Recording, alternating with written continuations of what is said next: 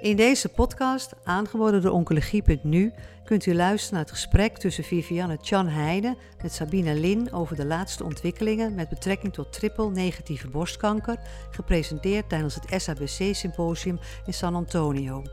Aan bod komen twee studies met KP-citabine en diverse studies met immunotherapie.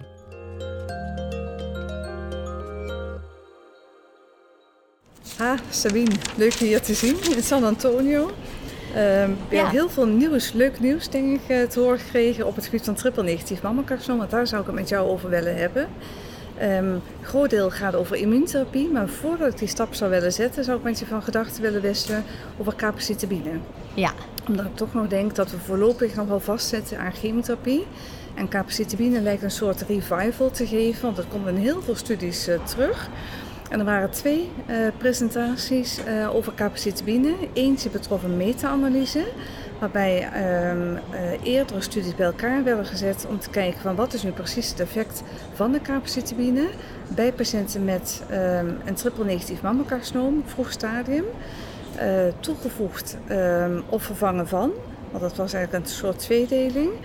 En er was nog een Chinese studie waarbij eh, patiënten eh AC-taxaan chemotherapie kregen. En ook daar werd capecitabine aan toegevoegd. Wat Ja. heb jij ehm, onthouden of wat denk jij dat mensen die dit nu eh, afluisteren zouden moeten onthouden op basis van deze twee studies? Wat is de kernboodschap? ja, de kernboodschap, denk ik, als we het heel kort samenvatten, is dat capecitabine het meeste effect eh, sorteert in triple negatief mammacarcinoom.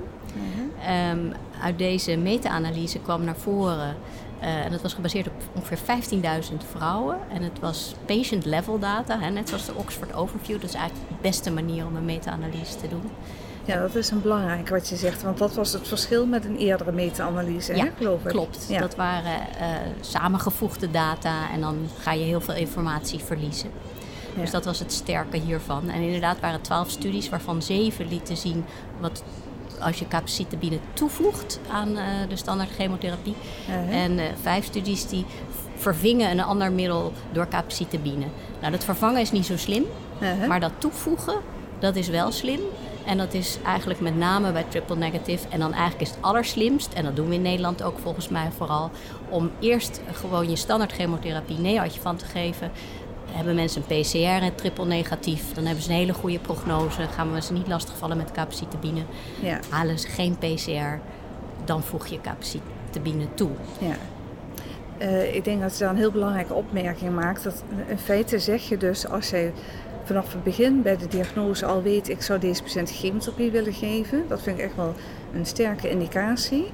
Dat je dan eigenlijk moet zeggen, als u het neoadjuvant krijgt, dan kun je het toch beter vervolgen. Het is niet alleen om chirurgische argumenten, waar we het aanvankelijk steeds om deden. Hè, vaker borstsparend kunnen Ja. behandelen, of vaker okselsparend kunnen behandelen. Ja. En nu is er een extra argument. Misschien geef je nog een extra behandeling, de capecitabine adjuvant, waarmee de overleving zo'n 10% geloof ik, hè, gemiddeld genomen. Ja, uit deze meta-analyse was het eh, de, op de disease-free survival 18% risicoreductie. Eh, dus op het Relatief. risico wat je hebt. Hè. Uh-huh. Eh, en, en voor overall survival was het 22% risicoreductie. Ja. Als je die hele meta-analyse bekijkt. Ja. Als je kijkt naar de studies die het meest lijken op, hè, dat is eigenlijk de CreateX vooral, en is er nog eentje, de, dan is die hazard rate ongeveer 0,55, 0,6.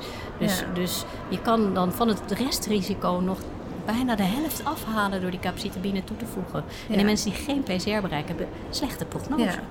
Nou, dus dat is denk ik toch een, een extra boodschap voor ieder van ons. Hè, dat we nu zeggen, nu nog meer data aanwezig zijn. Eh, bij triple negatief mammacarcinoom betekent dat sowieso vaak chemotherapie geven. Heel Ja. veel patiënten Ja. komen in aanmerking. Ja. De grens ligt gewoon toch wat lager. En als het gaat geven, dan neoadjuvant met de overweging. Ik kan eventueel nog wat extra's doen na de operatie. Ja, als het niet alle tumorcellen heeft opgeruimd. Precies. Ja. Dus chemotherapie is nog niet oud. Nee, nee, nee, nog steeds, nog steeds belangrijk. Ik kan nog één dingetje wel benoemen, geloof ik, want dat is nog steeds bij hormoonreceptor positief, HER2 negatief geven die capecitabine niet. En dat eigenlijk uit, die, uit deze meta-analyse blijkt ook dat dat eigenlijk heel weinig effect sorteert. Uh-huh. Dus op de overall survival gaf het 12% of 13% relatieve risicoreductie. Nou, over het algemeen is dat veel te weinig, omdat je ook nog hormonale therapie hebt bij hormoonreceptor positief, HER2 negatief. Ja. Maar er is één groep waarbij je het misschien toch moet overwegen. En dat zijn de stadium 3 hormoonreceptor positief, HER2 negatief.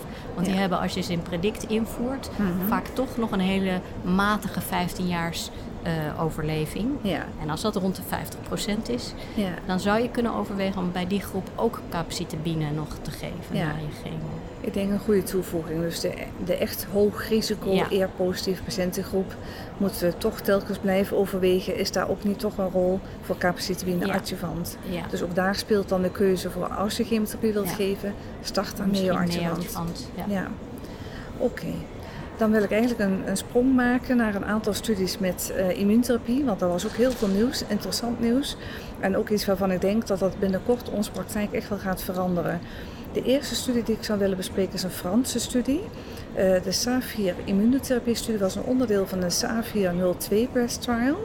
Waarbij patiënten met een triple negatief mammacarcinoom of eh, met een recidief onder adjuvante hormoontherapie, dus die werden beschouwd als zeg maar, endocrine resistent, zeg maar ER-negatief. Die patiëntengroep kreeg in de gemetastaseerde setting, dus hier praten we niet over adjuvant, maar gemetastaseerde setting, kreeg men eh 6 à 8 kuren chemotherapie. En vervolgens kreeg men eh durvalumab eh, of doorgaan met dezelfde chemotherapie. En eh, dat was een kleine studie overigens, hè, dus het zijn eh, 120, 130 patiënten waren dat. Ehm, en wat opmerkelijk was, dat eh, voor de progressievrije overleving was chemotherapie eigenlijk wat beter. En ik hoor zo meteen graag van jou hoe jij daar tegenaan kijkt. Dus de chemotherapie was beter, een van 1,60. Terwijl bij de eh, overleving was de groep die eh, de immuuntherapie kreeg het juist beter. Dus dat was de mediane overleving 21,7 maanden versus 17,9 maanden. Dus een, een vijftal maanden verschil met een hersenratio van 0,84. Was net niet significant verschillend, maar goed, het ging in de richting van eh, een overlevingsvoordeel. Terwijl dat dus niet te zien was bij de mediane progressvrije overleving. Wat moeten we hier nu mee? Met dit soort getallen. Het interessante is bij die immuuntherapie dat eigenlijk de progressievrije overleving lijkt niet zo'n goede readout. Dat was ook bij de Impassion was de progressievrije overleving verschil was eigenlijk heel minimaal. Ja, Maar het effect zat hem juist in de overall survival. ja, Dus, en ik denk ook dat je, de PFS is best moeilijk te bepalen bij die immuuntherapie. ja, Sommige mensen hebben, ja, het duurt 6 tot 12 weken voordat het überhaupt werkt. hè? En soms krijgen mensen dan al tekenen van progressie. ja, En dat kan ook pseudoprogressie zijn en dan moet je eigenlijk gewoon doorgaan. ja, en, ehm, dus ik denk eigenlijk bij die immuuntherapie moeten we kijken naar overall survival resultaten. En het interessante is dat bij andere tumortypes was dat ook zo. ja, ja. En dan zie je daar het verschil. Nu noemde je net al de Impassion trial. Hè? Denk je dat deze trial nu nog van belang is, nu we de Impassion trial hebben? Of zeg je, ja, misschien is dit dan achteraf een beetje achterhaald of het bevestigt misschien wel de Impassion trial Ja. data? Ja, ik denk dat het eigenlijk de Impassion eh, trial data bevestigt. Ehm, interessant genoeg is er eh, PDL1-analyse niet gedaan. Of is het wel gedaan? Dat is me niet Ja, duidelijk. bij deze studie was die wel gedaan. Moet ik Ja. even nadenken. Eh, je had de PDL1 positieve groep. Dat was een hersenratio 0,54. En bij de PDL negatieve groep was de hersenratio 0,42. Dus dat was was ook een beetje raar. Ja, Ja, Ja, dus de PDL1 is natuurlijk ook nog, denk ik, niet een uitgekristalliseerde biomarker. ja, We zullen hem nu eerst wel gaan gebruiken, denk ik, omdat het in het label staat voor eh atezolizumab met nab-paclitaxel in de eerste lijn. ja, Ehm, maar de jury is still out daarin, denk ik. En ik denk dat ehm, ehm, deze studie zal... Ik bedoel, we krijgen binnenkort immuuntherapie in de eerste lijn als add-on. ja, En, eh, dus we gaan het straks allemaal gebruiken. ja, En durvalumab gaan we misschien dan op een gegeven moment ook gebruiken. ja. En dat is misschien nog goed voor de toehoorder eh, dat de PDL1-test bij mammacarcinoom een andere test is dan bijvoorbeeld bij longkanker eh, gebruikt wordt. Bij longkanker kun je verschillende testen gebruiken. Dus het is wel heel belangrijk dat iedereen goed met zijn eigen patholoog overlegt welke test gebruikt wordt. Ja, goed dat je dat even noemt. Ja. Ik zou graag met je een switch willen maken naar twee neo-adjuvant studies. Die waren denk ik ook heel erg interessant qua immuuntherapie. Uh, allereerst de Keynote Trial, Keynote 522. Ook weer patiënten met een triple negatief mammocarcinoom, stadium 3. Die kregen neoarts van chemotherapie, al dan niet gecombineerd met pembrolizumab. En um, het primaire eindpunt was PCR, dus dat was een volwassen zeg maar, eindpunt. Dat hadden ze goed kunnen beoordelen. Ze hebben ook wel gekeken naar de EVS, maar eigenlijk hebben ze daar nog langere follow-up voor nodig. Als ik even memoreer, het PCR was uh, eh, 64,8% met pembrolizumab versus 51,2% uh, eh, zonder pembrolizumab. Dat was significant ten voordele van de pembrolizumab. Um, de EFS, dus uh, de ziektevrije overleving, was 91,3% versus 85,3%. Hersenratio 0,63, maar was nog niet significant verschillend. Uh, wat vindt u hiervan?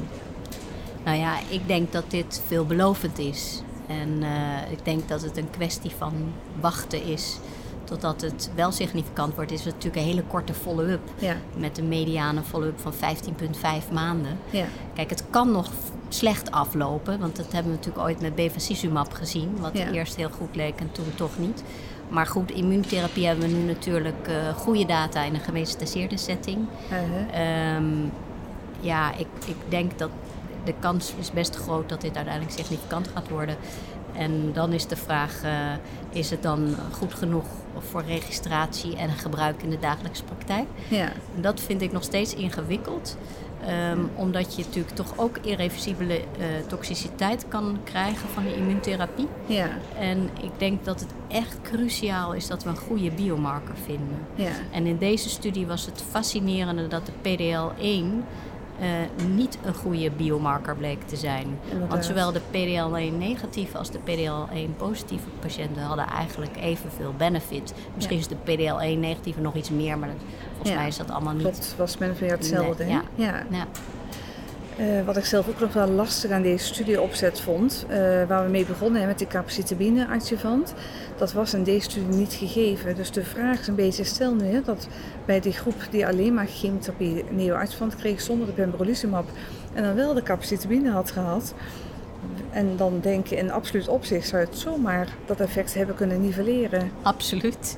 Ja. Best ingewikkeld ja, nee, het, zijn echt het is echt ingewikkeld. Dus hoe dit straks gaat lopen, dat is, nog, dat is ook nog geen gelopen race. Ja. Nee, en de toxiciteit is natuurlijk heel moeilijk te vergelijken. Ja. Maar ja, je hele leven lang uh, Tirax slikken of toch last van je longen houden na een pneumonitis. Of, ja, ja, ja. toch ja, het klinkt zo makkelijk. Hè? Voor, voor veel mensen klinkt immuuntherapie vriendelijker omdat het klinkt alsof je eigen lichaam het allemaal doet. Ja. Uh, maar tegelijkertijd zit je toch soms gevangen met langdurige bijwerkingen. En dan is een kortdurend chemotherapie-schema soms toch de beste optie. Dus ik ben ook heel benieuwd hoe het straks gaat uh, aflopen. Ja.